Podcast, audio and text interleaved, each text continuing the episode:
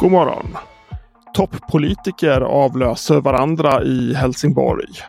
Längre skoldagar väntar i lågstadiet. Och Härberge i Landskrona lämnar fuktskadat hus. Här kommer de senaste nyheterna från Helsingborgs Dagblad.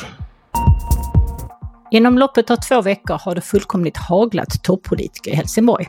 Idag besöker förra statsministern Magdalena Andersson S Helsingborgs lasarett. Före henne har ett pärlband av politiker passerat, som socialminister Jakob Forssmed, KD, som besökte judiska församlingen på minnesdagen av kristallnatten den 9 november. Förre utrikesminister Ann Linde var på Dunkers den 11 november och talade feminism och ledarskap. Och justitieminister Gunnar Strömmer M var i Helsingborgs hamn den 15 och tittade på var kokainet kommer in i landet. Men även partiledarna Ebba och Ulf samt Andreas och Jeanette har varit på olika uppdrag i Helsingborg de senaste veckorna. Läs mer om var och varför på hd.se. Stängt på grund av renovering stod det i september på dörren till lågtröskelboendet Kolet i Landskrona. Det är stans enda härbärge för de som inte är helt drogfria. I flera år så har det klagats på dålig luft och mögel i lokalen vid Industrigatan. Nu är det klart att man inte kommer flytta tillbaks till lokalerna. De är fuktskadade. Istället flyttas kolets verksamhet till det tidigare akutboende Engelbrekt för nyktra hemlösa inne i stan. Akutboendet för nyktra flyttas istället till Västra Fäladen.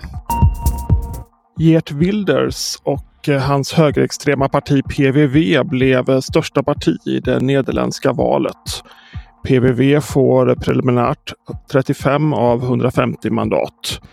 Det regeringsdominerande VVD får bara 23 mandat och eh, alliansen mellan Socialdemokraterna och Miljöpartiet får också 23 mandat. Valresultatet skapar ett eh, oklart läge inför regeringsförhandlingarna som väntar. Flera partier är emot att bilda regering med Wilders. Eh, däremot så har det funnits öppningar för att åtminstone ta in honom som stödparti. En av Wilders eh, profilfrågor har varit att Nederländerna ska lämna EU. Lågstadieelever får längre skoldagar med mer svenska på schemat.